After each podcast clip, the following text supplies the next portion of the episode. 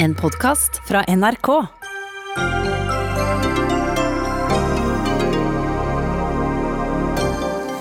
Striden rundt påskeåpne butikker fortsetter. Byrådslederen i hovedstaden er fortsatt forbauset over at han fikk nei fra regjeringen til å holde butikkene åpne på helligdagene.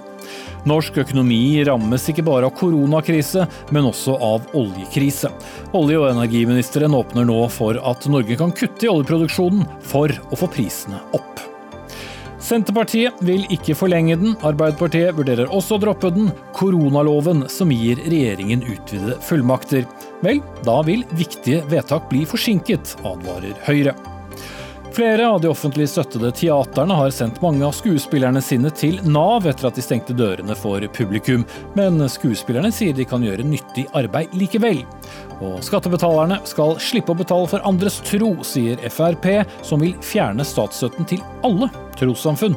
Det ville være tap for kulturarven, svarer KrF.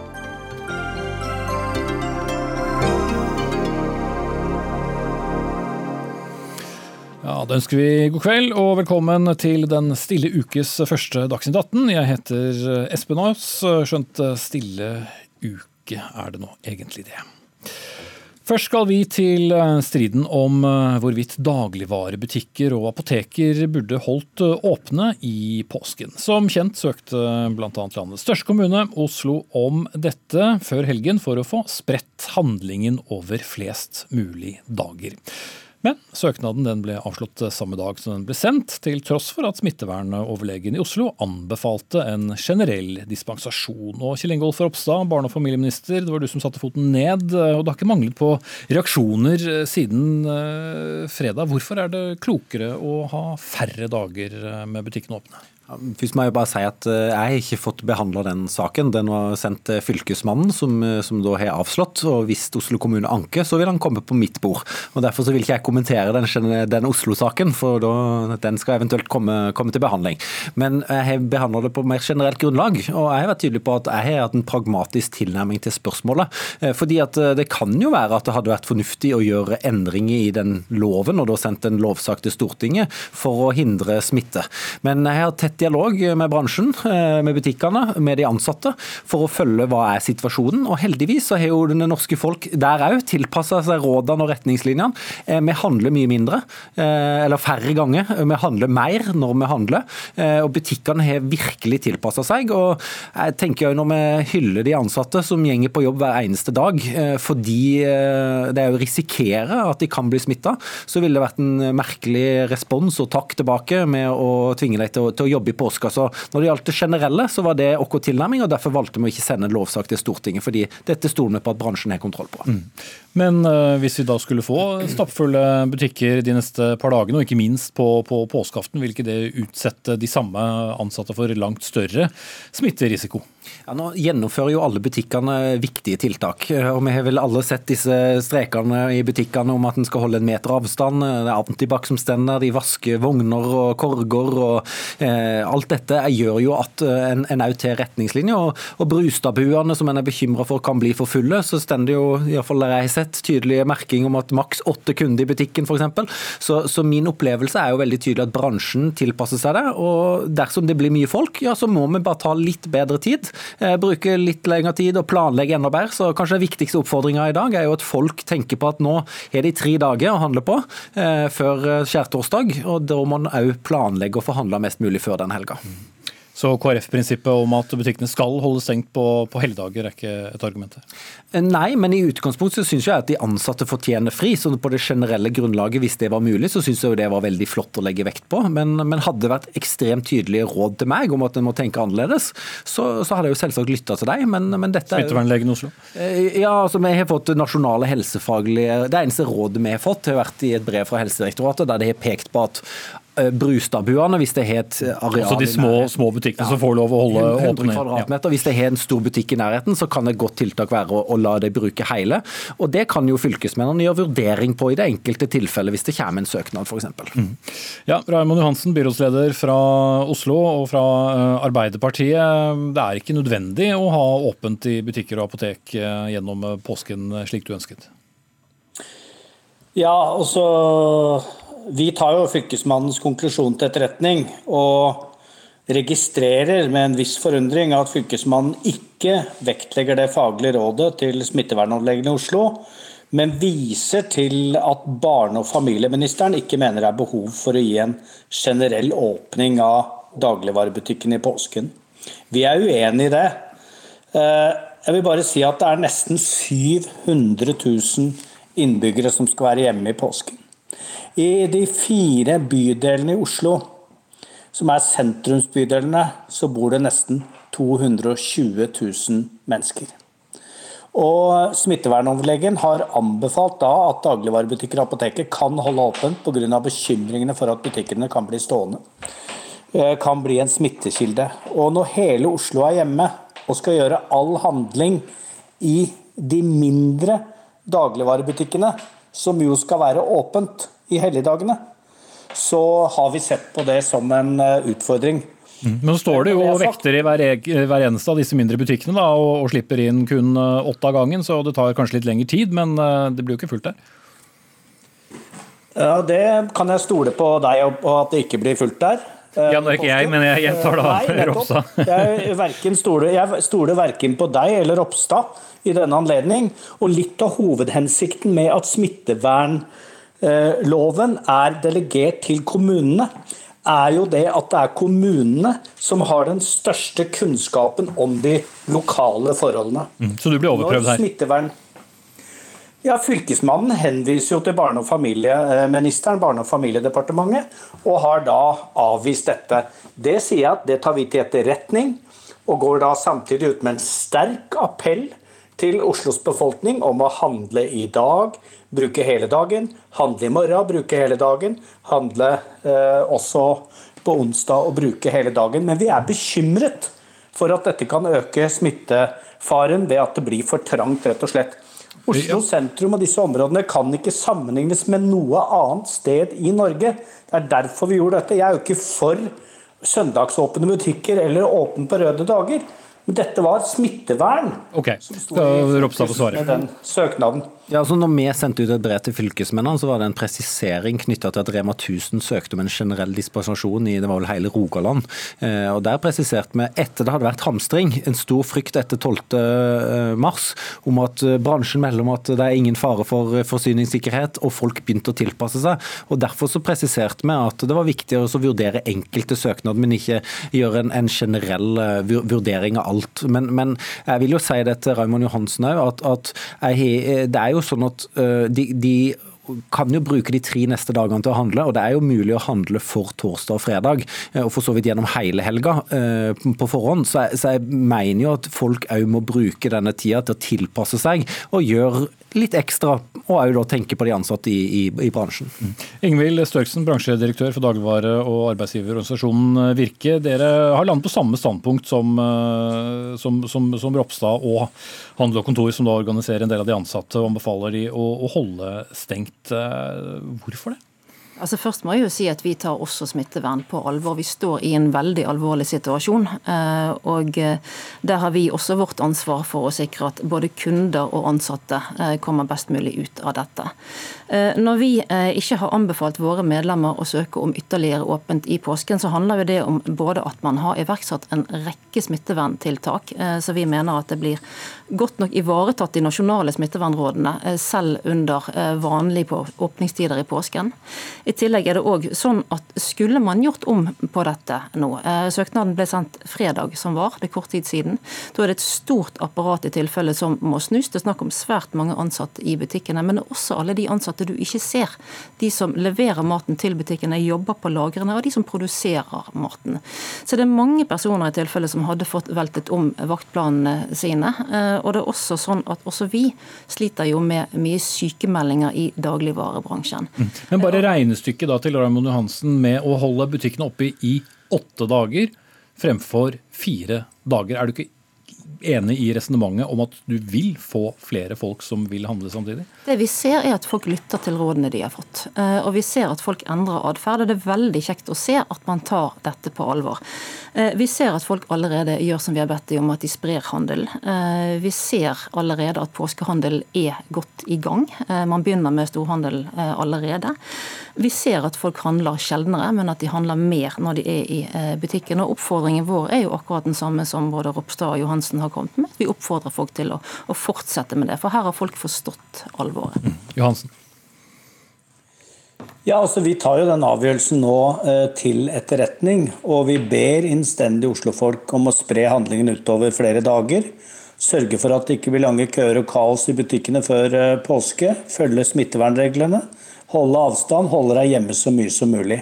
Det vi gjorde var å Det er jo smittevernoverlegen og, som, jo satt, eh, som jo har ansvaret for eh, å gi råd med hensyn til smittevernloven, som jo anbefalte oss å sende denne søknaden. Så det er jo fra et smittevernfaglig hold vi da gjorde det. At dette er komplisert for bransjen, ja, det er ingen problem å forstå. At de som jobber der fortjener fri, det har jeg ingen problemer med å forstå. Så det er ikke det det gikk på. Det gikk rett og slett på å redusere smittefaren. Og får vi håpe, da, når dette er over, at det ikke blir kaos, at det ikke har økt smittefaren ved at det blir trengsler, at det er krevende å overholde tometersregelen. Eh, så får vi legge godt til rette for det, men jeg er bekymret for alle de små butikkene som vil kunne oppleve en ytterligere trengsel, hvor det er mer krevende å håndheve disse reglene enn det f.eks. er på kjøpesentrene, hvor det jo er større plass. Men eh, vi tar det til etterretning, og så får vi gjøre det beste vi kan nå.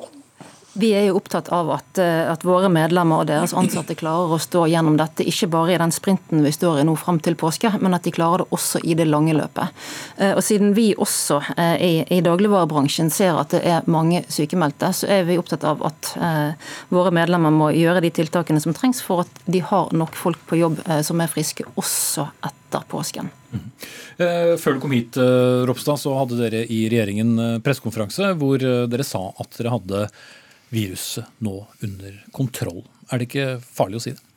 Ja, Vi pekte jo på at uh, denne reproduksjonsraten, R-en, er gått under 1. Nå er den på 0,7, og det er jo veldig gledelige nyheter. Mm. Som betyr at uh, de som er smittet, smitter da i snitt 0,7 annen person. Ja, og hvis, den, uh, hvis, vi lykkes med å holde den videre, så vil jo det òg bety at det vil dø ut.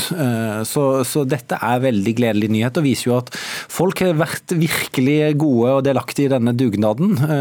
Og selv om tiltakene er ekstremt inngripende, og det er krevende for mange av oss, så, så, gir det enormt gode resultater. Og, og det var jo som Bent Høihaug sa, hvis den raten som var før vi begynte med tiltakene, den var på 2,5, sånn at hver eh, som var smitta, smitta da 2,5 i snitt andre. Hvis den hadde fortsatt, så hadde vi fortsatt eh, tilstander som eh, vi har sett i en del andre europeiske land, som, som er forferdelige. Og det har vi heldigvis klart å unngå. Mm. Men i nettopp Oslo og i Viken, som da er, stadig er Akershus, Buskerud og, og Østfold så går det motsatt vei. Og igjen ville det ikke vært et smittedempende tiltak og da hatt butikken åpen? Ja, Det går jo heldigvis ikke motsatt vei, for òg i Oslo og Viken så har denne såkalte R-en gått betydelig ned. Eh, og så er det riktig at det er flere som, som er smitta her. og Derfor så er det ekstremt viktig å si at denne kampen er dessverre ikke over. Vi må fortsette å vaske hender, vi må eh, holde avstand til hverandre og vi må følge disse generelle rådene. Eh, og så, så det, vil det òg være behov for tiltak over lang tid. Eh, og Derfor så er det når det gjelder dagligvarebransjen ekstremt viktig at folk oppfører seg, holder av avstand eh, og følge de rådene som, som, bransjen har vært tydelig på å gi, og, og planlegge da påskehandelen nå de neste dagene. Mm. Og Nettopp det Raymond Johansen, har jo vært eh, en liten debatt eh, gjennom helgen etter intervjuer og publisering av bilder fra enkelte steder i Oslo sentrum hvor det var til tider svært mange samlet på, på en gang. Er det, Nå fikk du ikke disse butikkene åpne gjennom påsken, men vurderer da byrådet i hovedstaden ytterligere og strengere tiltak for å få denne R-en enda lavere?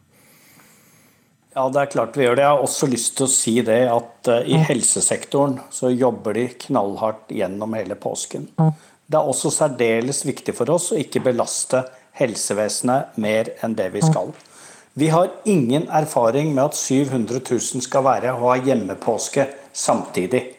Og uh, Derfor er det nå vi monitorerer alle stedene rundt i Oslo hvor det kan være store ansamlinger både i parker og på utfartssteder, og har kommet veldig tydelig med ti byvettregler på hvordan man skal være. Bl.a. være mest hjemme. Spre handelen som mest mulig fra morgen. Bruk alle timene på døgnet. Dra på eh, andre steder enn du pleier. Vi er både vanedyr og flokkdyr. Må gjøre noe med det. Og Oslofolk har vært veldig flinke, men vi er bekymret over at så mange mennesker skal være samtidig hjemme, og får håpe at vi greier å fortsette den positive trenden, selv om vi er bekymret for at smitten har økt i enkelte bydeler i Oslo, hvor trangboddhet og store familier er en fellesbetegnelse for det. Ja. Så får vi se om den positive trenden fortsetter, og vi skal i hvert fall gjøre vårt. Det blir sikkert nye samtaler om det også her i Dagsnytt 18. Takk til Raymond Johansen, byrådsleder i Oslo fra Arbeiderpartiet, Kjell Ingolf Ropstad, som er barne- og familieminister fra eh, Kristelig Folkeparti, og Ingvild Størksen, bransjedirektør for dagligvare i Virke. Dagsnytt 18 alle hverdager kl 18.00 på NRK P2 og NRK2. Og selv om eh, det naturlig nok er eh, smittetall vi snakker mest om og følger mest på om dagen, eh, så er det også mange som har et øye på oljeprisen. For den er blitt halvert siden nyttår og legger en kraftig demper på norsk økonomi, i tillegg til alle tiltakene som følge av koronakrisen. For markedet det flommer over nå av olje som ikke blir brukt pga. unntakstilstanden verden over. Og parallelt har samarbeidet mellom OPEC-landene og Russland om å stabilisere oljeprisen mer eller mindre havarert. Og Tina Bru, olje- og energiminister fra Høyre, hvor eh, alvorlig er situasjonen nå med en oljepris som ja, ligger rundt 30 dollar fatet? Nei, Det er jo en veldig krevende situasjon for uh, olje- og gassbransjen. Uh, den treffes jo på mange måter av en slags perfekt storm, sånn som du beskriver. Altså Både koronaepidemien, som har gitt et dramatisk fall i etterspørsel etter olje, Eh, ingen kjører bil lenger, flyene står på bakken. altså Det er full stans i økonomien. Og så har du i tillegg da dette samarbeidet i OPEC som har eh, brutt sammen, og det produseres nå mer enn noensinne. Eh, og det er utsikter til at det skal produseres mer. Og Det gjør jo at prisen nå er lav, den er ustabil, det er vanskelig å spå, og dette får store konsekvenser. Er utsiktene vi har nå verre enn under oljekrisen i 2014? Jeg tror det er veldig vanskelig å på en måte skulle spå, fordi nettopp som jeg sa, så er det en perfekt storm som påvirkes av altså oljeprisen påvirkes av mange ulike ting på en gang. Altså Hvor lang tid kommer det til å ta før grensene åpner igjen, før folk begynner å leve normale liv igjen? Eh, og vil det bli en enighet mellom eh, OPEC eh, på å f.eks. kutte produksjonen for å stabilisere prisen, eller vil det ikke bli det? Eh, hva gjør USA? Altså, det er mange X-faktorer. så jeg tror akkurat nå så har vi nok flere spørsmål enn vi har svar på hva som kommer til å skje. Men vi følger jo situasjonen veldig tett. Jeg har jo løpende kontakt og dialog med den norske olje- og gassbransjen, som er nå veldig usikre på framtiden, er bekymra. Mange har blitt permittert. Eh, og Her må vi bare følge med. Eh, og Vi er jo beredt til å gjøre det vi kan for å sikre flest mulig arbeidsplasser når vi kommer ut av eh, koronaepidemien og den krisen rundt det. Men den langsiktige oljeprisen tror jeg skal være litt forsiktig med å spå altfor mye på, for det er vanskelig. Hilde Bjørnland, professor på BI. Det er altså bare seks år siden den forrige krisen i, i oljeindustrien. Hva er den største forskjellen i dag? Så Forskjellen er jo at heller eh, den gangen oljeprisen falt i 2014, så var det også at vi strømmet over av masse tilbud av olje, særlig gjennom USAs produksjon. Men da var det jo en verden i vekst. Så etterspørselen var jo, eh, var jo oppadgående. Eh, mange økonomier vokste, og man etterspurte mye energi. Det gjør man jo ikke nå. Det er jo som det ble beskrevet her, da, den perfekte stormen. At du har jo på en måte både masse tilbud av olje, og så har du etterspørsel som ligger nede. Og folk reiser ikke, og det er det er usikkerhet generelt. Og når det er usikkerhet, eh, så rammer det både bedriftenes investeringsvilje, det rammer også eh, husholdningens evne til Eller behov og lyst til å handle og gjøre ting. Én ting er hva vi har restriksjoner for å gjøre nå, men en annen ting er også hva som vil skje etterpå. Så det jeg syns er mest urovekkende, er at det er ikke sånn at når eh, restriksjonene kommer tilbake, når vi slipper opp restriksjonene, at vi er tilbake akkurat der vi var. Vi er sannsynligvis tilbake i en verden som er mye mer usikker, og som, hvor virkningen fra de forskjellige landene ville kunne ta øh, lengre tid. og Dermed så er det ikke, er ikke gitt at vi er tilbake i en verden hvor etterspørselen er økende igjen, og hvor prisene vil gå opp sånn som vi er vant til. Så det, det, er det som uroer meg, da. Et tiltak da, Tina Bru, er jo at verden begynner å produsere mindre olje. Nå er det vel bebudet da et nytt øh, OPEC-møte om, om, tre dager, 9. april. Og jeg så i hvert fall på internasjonale nyhetsbyråer at du vurderte å, å delta der. Hva, hva vil Norge gjøre aktivt? Nei, vi, vi har ikke vurdert å delta i OPEC-møtet. Det er ikke Norges rolle, det har det aldri vært. Men eh, det vi har sagt er at vi er, eh, vi er blitt muntlig invitert til å delta, og vi er åpne for å delta som observatører, men da på et embetsnivå. Altså ikke at jeg skal sitte i et møte med OPEC, det er ikke sånn Norge driver oljepolitikk, og det har vi heller aldri gjort. Men, men det vi har sagt utad, er jo det at dersom en bred gruppe av produsenter skulle bli enige om å kutte produksjonen, så vil Norge selv vurdere å gjøre et ensidig norsk kutt her. Det har Norge også gjort eh, før, for å bidra til å stabilisere oljeprisen. Eh, men vi er ikke der per i dag. Vi gjør ikke konkrete vurderinger nå om å kutte produksjonen vår, men vi har bare sagt at vi egentlig følger det som alltid har vært eh, linja i norsk oljepolitikk. At eh, i veldig ekstraordinære situasjoner så kan man åpne for å gjøre det, men da på et ensidig nivå at vi gjør den vurderingen sjøl. Mm. Hvordan fungerer det i praksis? Nei, Det er for tidlig for meg å si noe. Som sagt så sitter vi ikke og gjør sånne konkrete vurderinger nå. Eh, vi har bare svart på en henvendelse om vi er villige til å vurdere det, eller hva vi tenker hvis at det sånn skulle skje. Eh, men hvordan det vil bli, det får vi se. Men gjør vi det, så er det av hensyn til da norsk ressursforvaltning og norsk økonomi. Eh, og at vi ser det som formålstjenlig for, for, vårt land da, å gjøre, gjøre et sånt type grep. Mm. Du var inne på det i sted, Bjørnland, og du sa også til Dagens Næringsliv i dag at tiden som annerledeslandet er nok over. Betyr det at norsk økonomis eh, ja, gode tider også da er, er, over, og at vi eh, må tilpasse økonomien på, på helt andre måter, lik mange av våre naboland i Europa?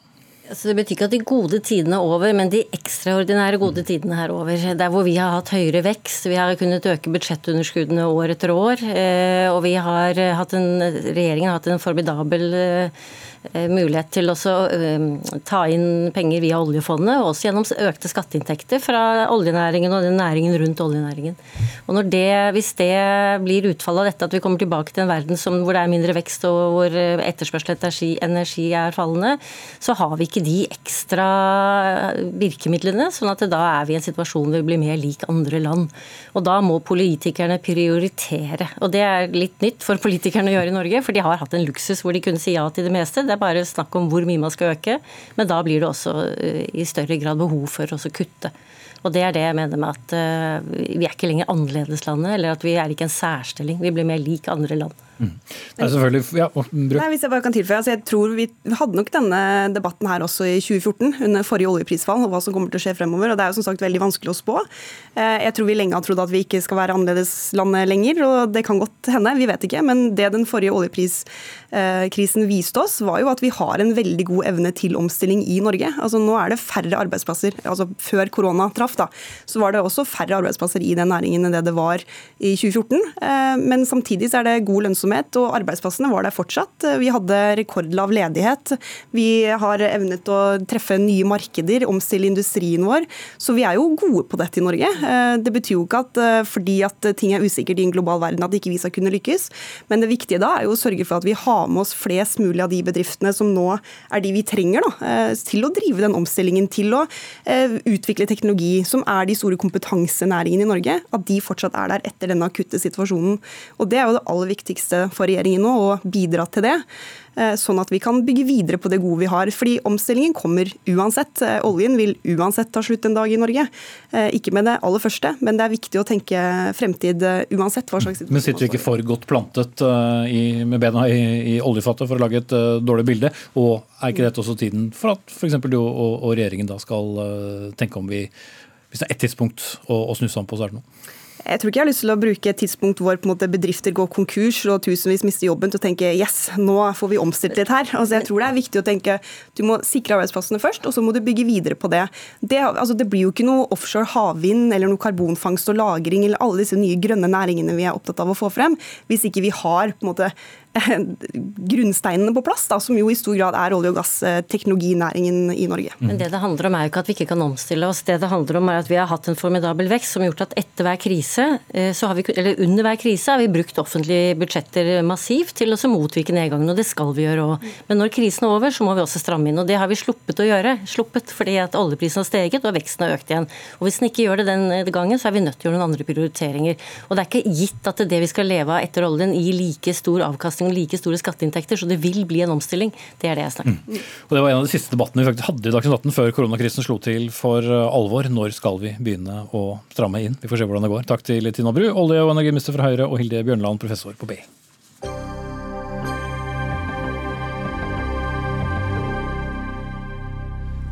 Senere i Dagsnytt 18 skal vi snakke om at eh, kritikken mot Folkehelseinstituttets smittesporingsapp vokser. Både redaktører og advokater fraråder folk å installere den, selv om halvparten av befolkningen må være med for at den eh, appen skal ha et uh, poeng. Men så til en annen sak som har vært veldig mye omtalt i den tiden vi nå er inne i. For i snart to uker har regjeringen hatt ekstra fullmakter til å vedta lovendringer gjennom den såkalte koronaloven. Regjeringen har foreløpig bare fått denne fullmakten i en måned, hvilket betyr at den skal avsluttes 24. april, altså om 18 dager. Regjeringen ønsket seg opprinnelig seks måneder, og et forslag om forlengelse er nå ute på høring. Senterpartiet sa i går til Aftenposten at de ikke vil gi velsignelse til noen forlengelse, og heller ikke dere i Arbeiderpartiet synes dette umiddelbart er en god idé. Stortingsrepresentant Trond Giske, hvorfor ikke? Det vil i hvert fall være stor skepsis, på samme måte som det var sterk motstand mot den opprinnelige lovteksten som regjeringa foreslo. Det er lett i en krisetid å tenke at uh, da må vi ta noen snarveier og legge til side grunnlovfesta prinsipper om maktfordeling og lovgivende myndighet i Stortinget. Men uh, vi mener jo tvert imot at nettopp i krisetid er det viktig å vise at demokratiet fungerer, at Stortinget fungerer, og at vi klarer å ivareta grunnleggende rettsprinsipper og demokratiske prinsipper. Så Derfor bør vi i høyest mulig grad fungere som normalt. Det ville vært en fallitterklæring om Stortinget skulle settes i karantene når folk gjør en heltemodig innsats i helsevesenet, i dagligvare, på sykehjem, i transport og overalt ellers. Vi må også gjøre jobben vår. Ja da, og Dere er jo absolutt eh, på jobb, men samtidig, din partileder Jonas Gahr Støre satt jo her i studio og sa at eh, man har kommet fram eh, til en god ordning hvor, hvor Stortinget kan også stoppe regjeringen hvis den føler den går langt. Ja. Var dere ikke så begeistret likevel? Ja, altså Jonas og koronakomiteen som vi kaller det på Stortinget, gjorde en formidabel jobb og endra loven betraktelig i løpet av en eh, kort uke. Og den, eh, en av endringene var jo at vi kutta ned varigheten fra seks måneder til én måned. Men den viktigste endringa var jo å si veldig tydelig at denne fullmakten som regjeringa har, som jo altså gir regjeringa fullmakt til å lage forskrifter som bryter med norsk lov, altså det er en veldig vid forskrift, den skal kun brukes dersom vanlig lovbehandling i Stortinget ikke er mulig. Og Regjeringa må gi en fyllestgjørelse, begrunnelse for dette, utdype det og forklare hvorfor ikke vanlig lovbehandling var mulig. Nå har regjeringa vedtatt 17 forskrifter etter denne loven. Eh, og jeg kan nesten ikke se en eneste av dem som ikke kunne vært eh, behandla etter vanlig eh, lovprosedyre. For Stortinget har jo vist at vi kan handle veldig raskt. Selve fullmaktsloven i seg sjøl ble jo behandla på én uke. Eh, hvis det er statsråd på fredag, så kan eh, lovendringa være på plass fra Stortinget allerede neste fredag. Det er ganske raskt. Mm. Nå inviterte jeg opprinnelig eh, justisminister Monica Mæland hit i dag, men jeg fikk beskjed fra departementet om at fordi denne saken nå er ute på høring, så kunne ikke hun delta. Men Svein Harberg, du er stortingsrepresentant fra Høyre, så du tar den plassen. Hvor viktig er da egentlig denne koronaloven nå? Det var veldig viktig å få denne loven på plass, fordi at eh, vi var i en krisesituasjon. Og vi så at vi hadde veldig behov for å få rask eh, saksbehandling. Eh, og Det var det som var bakgrunnen. En forenklet og rask saksbehandling i en krisetid. Og, der vi også la inn sterke begrensninger gjennom at et mindretall kan stoppe en sak, noe som ikke kan skje i Stortinget. Så det var veldig viktig. Men jeg har jo lyst til å presisere at det er jo ingen av oss i vår lovgivende forsamling, Stortinget, som med letthet gir fra oss denne fullmakten. Eh, så det er en helt relevant debatt om hvorfor hvordan og hvor lenge. Mm. Og Nå er det jo en mindretallsregjering i dette landet. Vi har et eh, storting som er eh, samlet. Selv om det er påske, så er det da egentlig noe behov for å forlenge denne koronaloven? Ja, Det syns jeg jo er litt vanskelig å ta stilling til nå. og Dette var jo en av diskusjonene når vi vedtok loven, som, som jeg var med og forhandla. Eh, da lurte vi på om eh, en måned var litt kjapt, fordi at påsken kommer inn her. Og, og hva vet vi rett etter påske? Så nettopp to måneder var jo en av diskusjonstemaene. og, og nå ber regjeringen da om kanskje om å få en måned til, slik at vi har litt mer oversikt over hva som trengs. Og så er det jo slik at mange lover behandles i Stortinget, og de behandles raskt, slik som Trond Giske sier. Mm. Men Giske, hvis da Stortinget sånn sett tar tilbake den, den makten uh, igjen, da, vil ikke det også kunne forsinke prosessen? Fordi at Arbeiderpartiet vil sette sitt stempel, Fremskrittspartiet vil sitte, sette sitt stempel, og så er det viktige lover vi trenger å få gjennomført, som blir sittende igjen i stortingssalen? Altså Hvis det er noe som haster så dramatisk uh, at uh, vanlig lovbehandling da, på kanskje en uke ikke tilstrekkelig, så kan regjeringa bruke loven. Men den har jo også fullmakt etter andre lover. Smittevernloven det var den viktigste i disse dager. Men også eh, sivilbeskyttelsesloven eller næringssikkerhetsloven. Det finnes mange lover som man kan ha raske tiltak hvis det er påkrevd. Mm. Men, men, men, det var jo et enstemmig storting som sa nei til det opprinnelige lovforslaget. Og der, Det kjenner også Høyre til ære at de var med på det. Men det er jo ikke bare det at vi skal slå ring om viktige prinsipper og maktfordelingsprinsippet, men det har også en praktisk begrunnelse, eller en resultatbegrunnelse, at vi har et demokrati og en debatt. Det at en lov blir foreslått, så debattert i Stortinget gjennom en uke, gir jo også mange andre instanser mulighet til å komme med gode innspill, ekspertråd, erfaringer som rett og slett gjør beslutningene eh, bedre. Og Nå gjør vi altså noen av de mest dramatiske beslutningene vi har gjort. Eh, som berører folks frihet, som berører folks trygghet, som berører masse arbeidstakere. Eh, og nettopp da må vi jo kunne ta imot innspill, få en offentlig debatt, få motforestillinger, forbedringer. Det er jo det demokratiet handler om. Det er derfor det er lurt. Men ekstraordinære slik... tider trenger ekstraordinære tiltak, var det veldig mange som sa for noen uker siden. Men ekstraordinære tiltak krever også ekstraordinær god gjennomtenking og mulighet for folk å komme med innspill. Og jeg tror til slutt også, du sa det sjøl, det er en mindretallsregjering.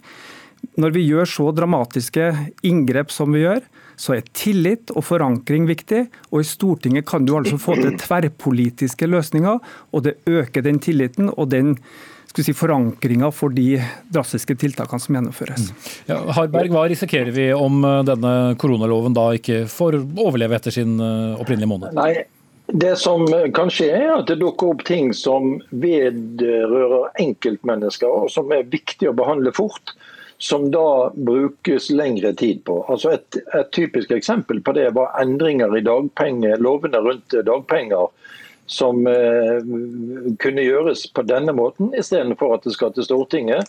Og I Stortinget må vi følge lovene om at det skal være 72 timer mellom førstegangsvedtak og andregangsvedtak osv. Og så må jeg jo si at disse begrensningene i folks liv som eh, Giske viser til, de er jo ikke vedtatt etter koronaloven. De er jo vedtatt nettopp etter smittevernloven. Så regjeringen har vist at de vis, bruker dette med forsiktighet, men når det er viktig for å hjelpe folk, eh, så kan vi bruke det. og Det tror jeg ikke vi har full oversikt over ennå. Derfor syns jeg det er en god idé å, å ha en måned til. Mm. Vi får se hvordan det går. Det er 16 dager igjen av den nåværende koronaloven. Takk til eh, Svein Harberg, stortingsrepresentant fra Høyre, og Trond Giske, stortingsrepresentant fra Arbeiderpartiet.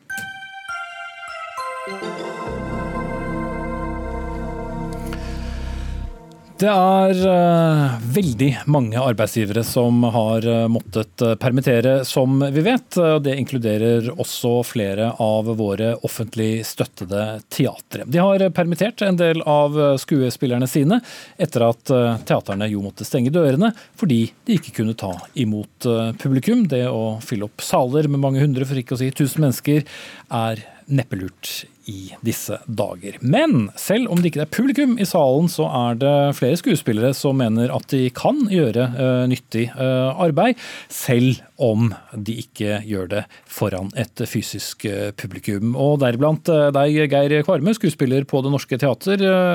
Du har etterlyst å tenke annerledes. Hva, hva burde vært gjort? Nei, altså, Vi har jo i tildelingsbrevene fra eh, departementet et samfunnsoppdrag. og Det er bl.a. å skape eh, ny scenekunst av høy kvalitet. Nyskapende scenekunst av høy kvalitet. Og Denne situasjonen er jo en situasjon som absolutt legger til rette for å kunne tenke nytt, skape noe nytt. Og også prøve å lage eh, noe av høy kvalitet. Kompetansen finnes i institusjonene, eh, og ressursene finnes der. Isteden så blir vi av uh, våre ledere permittert med departementets velsignelse. Til tross for at de sier at de ikke har det som mål å permittere oss, men de må jo se at det er det som skjer. Og jeg mener at vi, uh, vi fyller jo da ikke det samfunnsoppdraget som vi er gitt av norske myndigheter. Og på den annen side så er det fellesskapet som allikevel skal betale, for vi skal ut i permisjon. Og eh, teatrene beholder jo disse eh, økonomiske rammetilskuddene fra, fra, staten.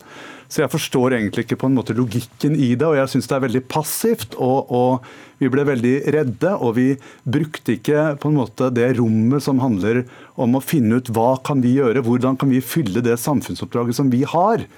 Um, og den isen i magen, da, den var ikke der. Vi trakte oss beina, vi parkerte oss. Og det var jeg egentlig litt overrasket over når det hadde gått en liten stund. Så begynte jeg å tenke hm, er dette her greit? Mm.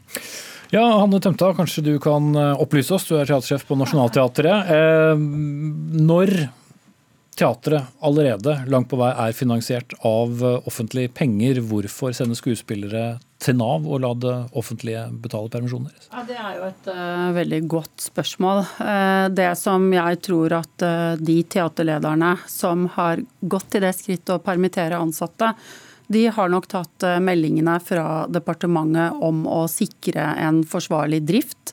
Og sørge for at når inntektene faller bort, og også på en måte se på kostnadene i teatret. Samtidig som jeg også faktisk mener at eh, det er jo smittevern og de reglene vi, eh, også teaterne, da, skal forholde oss til i samfunnet nå for å ikke eh, øke koronatilstandene ytterligere. Så jeg skjønner godt det Geir sier, jeg er ikke uenig. Jeg tror vi bare som ledere aller helst skulle ønsket oss f.eks. at Departementet vårt sa at vi kompenserer dere for de tapte billettinntektene.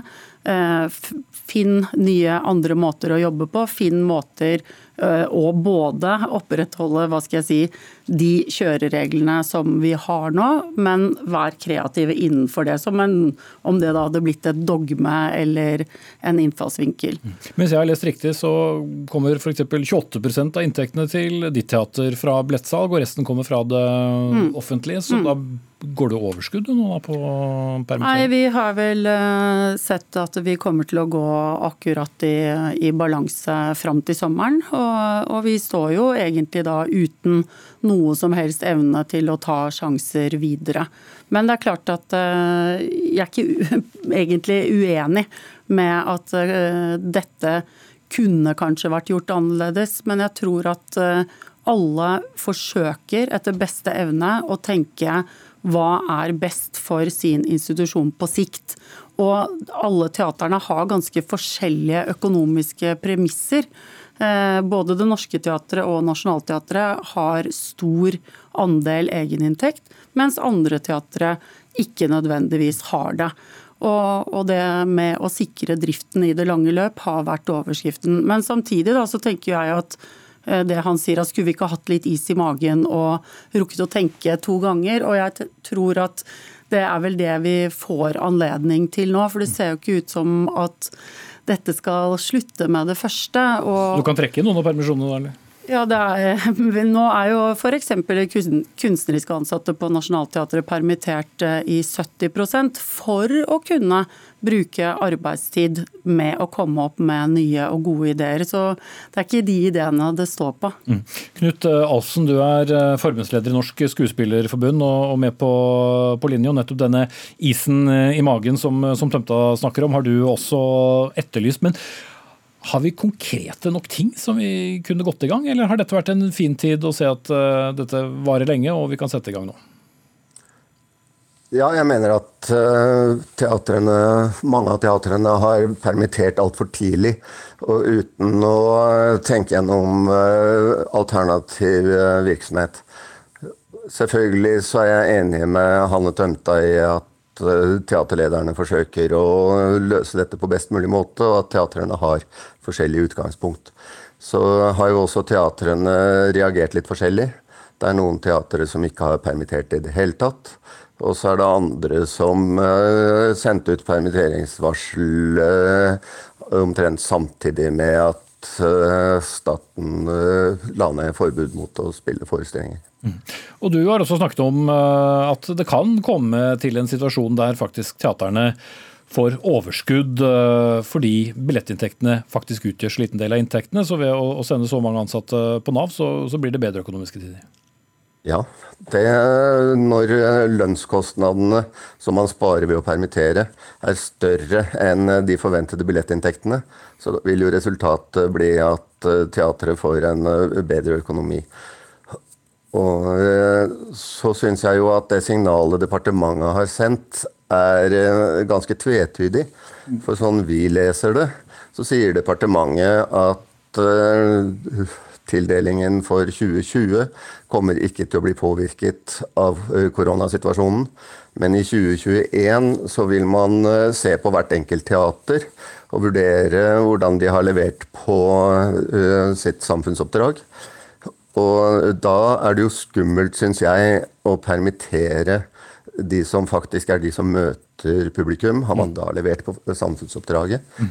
Eh, da er ikke departementet... Det kan jo godt hende at, eh, at, dette signalet fra departementet nettopp betyr at de som permitterer, er de som vil eh, risikere å få et lavere tilskudd i 2021. Nå inviterte vi departementet, de kunne ikke stille. Men Tømta, du får jo svare på beste vegne for ditt eget teater. Mm. Jeg må jo bare være helt ærlig og si at dette her er noe av det vanskeligste jeg har vært med på som leder av et teater. Eh, og jeg prøver å vokte meg for å ikke være skråsikker. Eh, og kanskje det blir nettopp etter koronaen at det, det kan være mulig å være etterpåklok. Men, men jeg tenker jo også at Ingenting er eh, for alltid eller ugjenkallelig. Hos oss så vil jo permitteringsgraden bli vurdert hele tiden, både eh, den ene og den andre veien. Så, så, det viktigste, tror jeg, er jo at vi klarer å snakke bra med de tillitsvalgte. At vi klarer å se an, liksom flere perspektiv og at vi har tillit til at eh, vi vil, eh, vi vil, institusjonene våre vel, og vi vil publikummet vårt vel, og vi vil selvfølgelig de ansatte vel. Mm. Så, mm. Hva kunne du aller mest tenkt deg å gjort med da, Kvarme? Nei, altså Det som jeg eh, på en måte er litt forundret over, er at det er et sånt fravær av på en måte spørsmålet rundt hva vi, vi kunne vært som institusjoner i den situasjonen Norge står i. Vi trakk beina opp og selv Statsministeren har vært ute og sagt at grunnlag for permittering ligger ikke i økonomiske forhold, men det ligger i manglende oppgaver. Og jeg mener at det er ikke vært realitetsbehandlet hvilke oppgaver vi faktisk kunne fylle som scenekunstinstitusjoner i denne tiden. Og pengene har vi egentlig der. Omtrent alle lønnsutgifter ved mitt teater er dekket inn av staten. Eh, så det er klart det man skal produsere for allting sånn, det er eh, det man må tjene inn. Men eh, den dialogen, den reelle dialogen med departementet, den har ikke jeg oppdaget. Har jeg sittet tett på disse sonderingene og sånn, men jeg, jeg, ser ikke at den har vært ute i offentligheten i hele tatt. Den har ikke vært drøftet med oss som ansatte. Hva kunne vi gjøre? Hva er vår posisjon som scenekunstnere i en krisetid for Norge? Jo, den er å parkere oss det syns jeg er rart. Mm. Kanskje kunne vi spurt hvor blir du, også på et uh, nettmøte. Hvem vet. Takk skal du ha, Hanne Tømta, teatersjef ved Nationaltheatret, skuespiller Geir Kvarme og Knut Alfsen, forbundsleder i Norsk Skuespillforbund. Hør Dagsnytt 18 når du vil. Radio NRK Radio.nrk.no.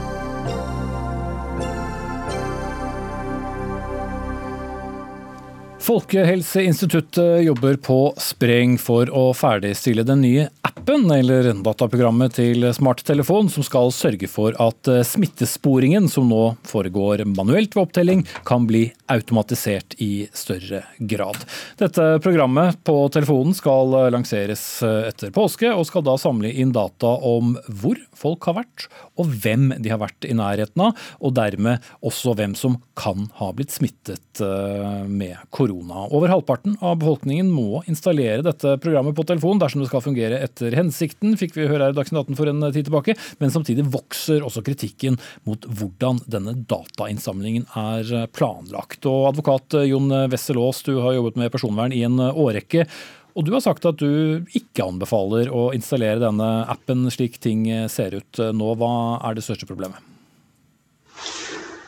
Altså, det, her er det viktig i diskusjonen å si at vi snakker ikke om lovlighet.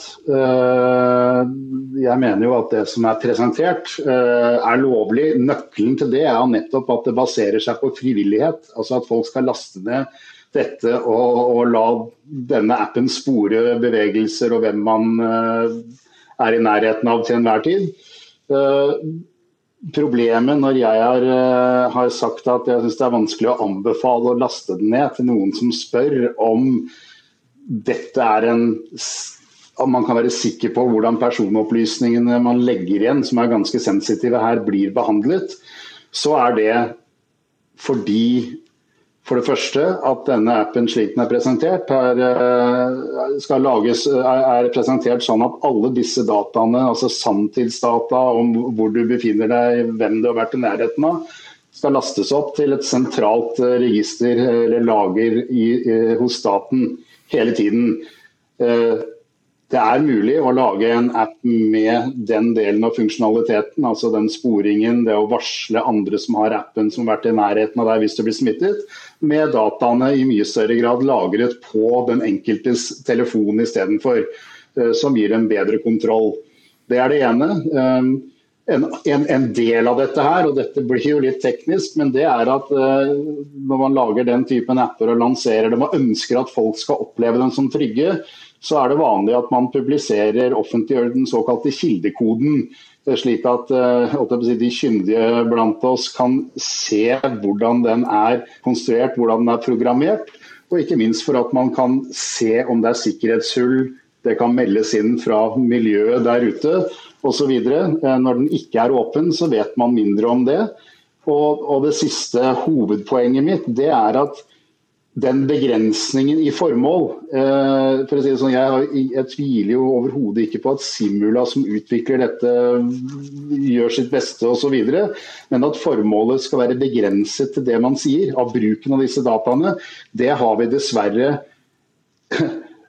empirisk ikke så mye grunn til å tro på. Det er bare i fjor så så vi at Høyesterett tillot at DNA-opplysninger fra politiets DNA-register som da det ble opprettet, der ble det innført i loven fra Stortinget at opplysningen derfra kun brukes i strafferettspleien.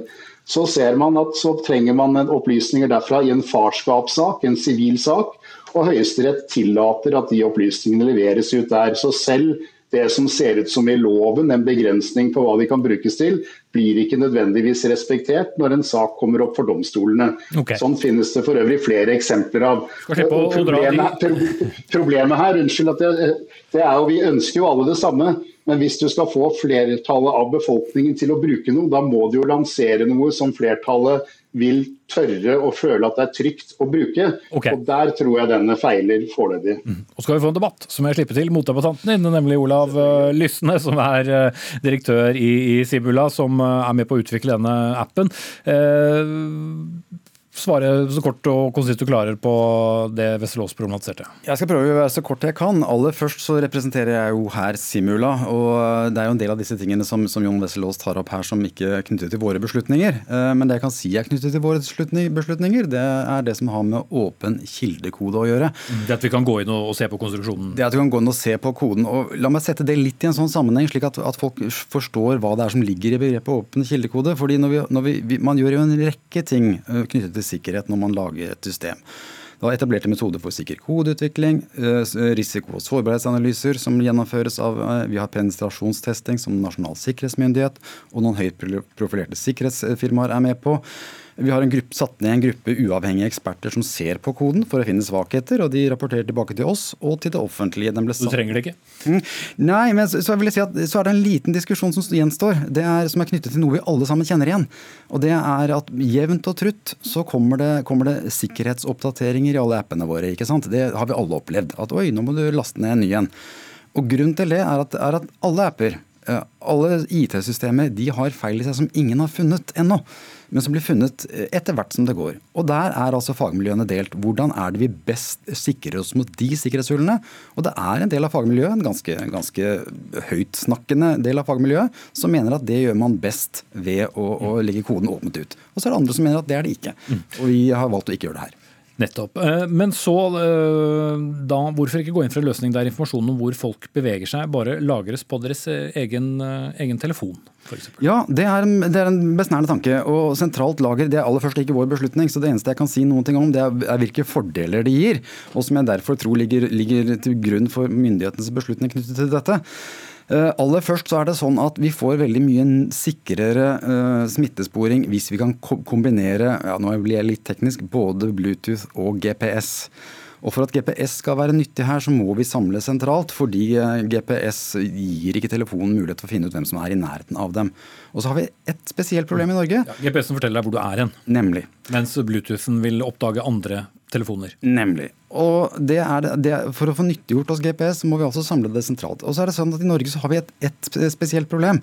og det er at uh, iPhoner har vi veldig mange av i Norge. Og akkurat iPhone har noen sikkerhetsbarrierer som gjør at vi ikke klarer å utnytte Bluetooth godt nok. Og Det gir et spesielt problem i Norge, for vi har over 50% iPhoner i Norge. Og For å kompensere for det, så er vi altså Det, det får vi egentlig bare gjort ved å, å, å samle det sentralt. Mm. Og Så er det én ting til som jeg har lyst til å si. Ja, det må være veldig kort, hvis, hvis vi ja, skal få slippe til igjen. Det er at et sentralt lager gir myndighetene et beslutningsgrunnlag til å, til å kunne åpne opp landet igjen uten at en av byene våre ender opp i samme situasjon som man endte opp i i Nord-Italia. slik at, at, kunnskap som beslutningsgrunnlag her, det, det, det kan man hente ut av et sentralt lager, men man får ikke hentet ut av, av, av de mobiltelefonene som, som, bare eies av de som faktisk ble smittet. Mm. Ja, Du fikk advart mot mye i starten her, eh, Jon Wessel Aas. Eh, men til folk som nå sier ja, men jeg, jeg, vil gjerne være med og hjelpe, jeg vil installere dette programmet på, på telefonen, jeg syns det er greit. Hva, hva risikerer de, mener du da? Altså vil, for det første vil jeg si at det er ikke min jobb å si hva folk skal gjøre eller ikke. Og, og jeg, Folk må, må, gjerne gjøre det. Jeg ønsker selv jeg, å være med på dette her. Uh, men så jeg, jeg kan heller, og jeg, og jeg, jeg syns det er prisverdig det, det lystne sier og opplyser. og sånn. Jeg tror det er viktig at det kommer ut mest mulig opplysninger av dette. her. Og så skjønner jeg at en del ting er besluttet av oppdragsgiveren hans. og Sånn sett hadde det vært fint om det var de som var her, og, og ikke bare han. Men men det er eh, Det ble invitert, for, enkelte, for enkelte, nei, men Problemet er at for, bare for å ta et eksempel for enkelte yrkesgrupper, da, for å ta dere journalister som har et strengt kildevern å ivareta, da vil jeg si, og det er flere redaksjoner og aviser som har sagt at de sier til journalistene at de skal ikke laste den ned sånn som den er nå. De vil ikke kunne bruke den fullt ut og ivareta kildevernet fordi det kan avsløre hvilke kilder de har vært i kontakt med på gitte tidspunkter. Og så i beste fall kanskje de kan laste den ned, men så må de deaktivere den i visse tider på døgnet osv. Det samme kan gjelde for min yrkesgruppe, advokater, hvor bare eksistensen av et klientforhold er underlagt taushetsplikt. Okay. Og Det er det som er dilemmaet. Hvis ikke mange nok bruker den, ja, da hjelper det ikke hvor god den appen er. og Derfor tenker jeg kanskje man får modifisere den, og så koster det kanskje litt på okay. effektiviteten i den andre enden. Ja, eh, Et ja eller nei til slutt, Ola Lyste. Frykter du at ikke mange nok vil ta den nå etter disse advarslene? Uh, her må hver enkelt gjøre opp for seg selv, tenker jeg. Det, for noen så vil, vil, det veie tyngre med eget, eh, okay. egne posisjonsdata. For andre så vil vi ønske å bidra til at, eh, at dette går bra. Olaug Lysne, direktør for Simla, som også er de som utvikler appen, og advokat Jon Wessel Aas.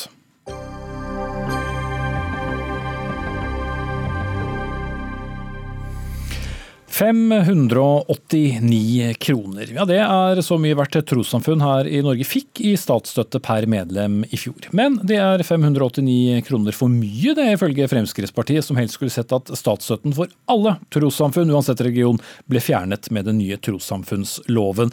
Og Himanshu Gulati, du er stortingsrepresentant for Frp. Hvorfor er det nå på tide å fjerne denne statsstøtten? Jo, for det første må jeg begynne å si at tro er en viktig del av folks liv. Og det er noe vi virkelig anerkjenner og respekterer. Men dette er et veldig prinsipielt eh, forslag. Norge betaler eh, støtte til eh, rundt 900 trossamfunn i dag. Og vi mener at religion, hva man tror på, teologien man velger å følge, er en privatsak og ikke noe hvor staten bør ha en rolle i. Og at derfor heller ikke staten bør finansiere trossamfunn. Mm. Så, så det er det prinsipielle vi er opptatt av. nemlig at staten egentlig ikke bør ha en rolle i hvordan trossamfunn finansieres. Jorunn Losshus, du er stortingsrepresentant fra Kristelig Folkeparti. Hva skjer hvis vi fjerner statsstøtten? Det vil utvilsomt ramme veldig hardt. Eh, og jeg syns at FrPs uttalelser her gir uttrykk for en veldig snever forståelse av hva tros- og livssynssamfunnene betyr for samfunnet. Hele 85% av alle i Norge tilhører et trossamfunn. og Det forteller oss jo at tro og tilhørighet det er viktig både for enkeltmennesker og som en samfunnsbyggende kraft, med alt det de bidrar med av fellesskap, barne- og ungdomsaktiviteter, diakoni, rusarbeid, integreringsarbeid, bare for å nevne noe. Å kutte statsstøtta det ville ramme mange små trossamfunn i hele landet, men det ville være spesielt dramatisk for Den norske kirke. Og mange lokalsamfunn ville da mista sitt eneste aktive trossamfunn dersom de skulle bli tvunget til å drive bare lønnsomme menigheter. Men 589 kroner er jo ikke mer ja, tilhører Den norske kirke. Og det betyr ikke nødvendigvis at alle har et veldig nært og aktivt forhold til sin tro, men at de allikevel setter pris på hva kirka tilbyr av rammer for høytider og spesielle dager i livet, da, sånn som dåp og konfirmasjon, bryllup og begravelse. Men 589 kroner i året, det kan ikke være mer enn 11-12 kroner i, i, uken. Hvorfor kan ikke de som ønsker aktivt uh, høre til et trossamfunn, betale selv? Akkurat eh, det kronebeløpet er ikke det viktigste her.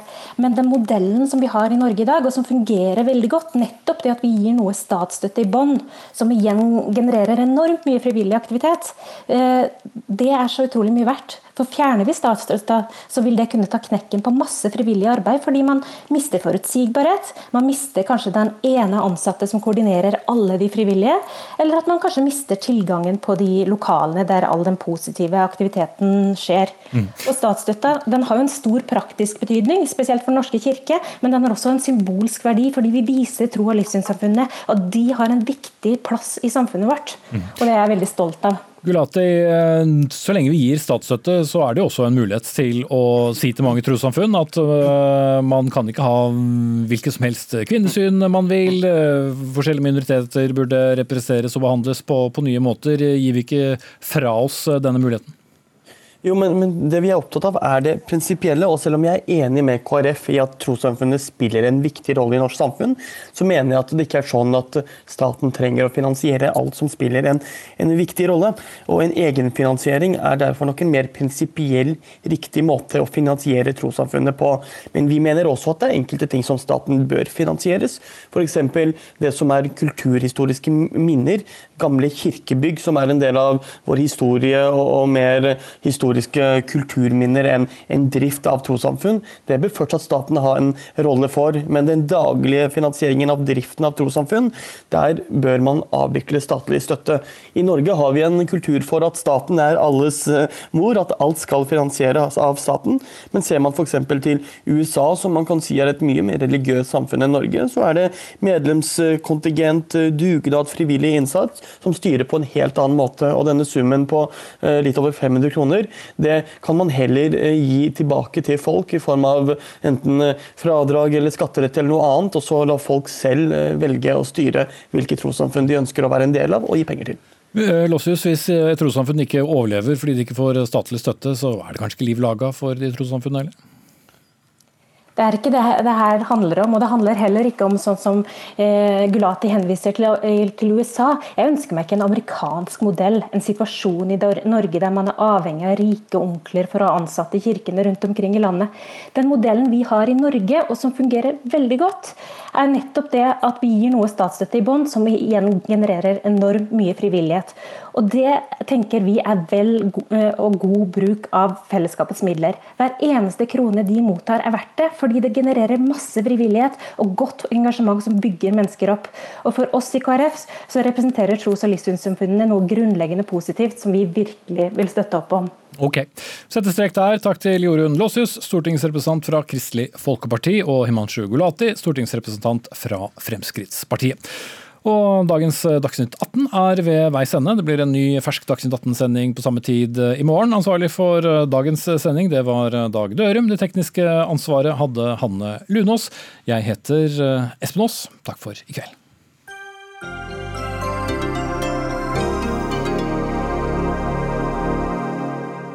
Du har hørt en podkast fra NRK. Hør flere podkaster og din NRK-kanal i appen NRK Radio.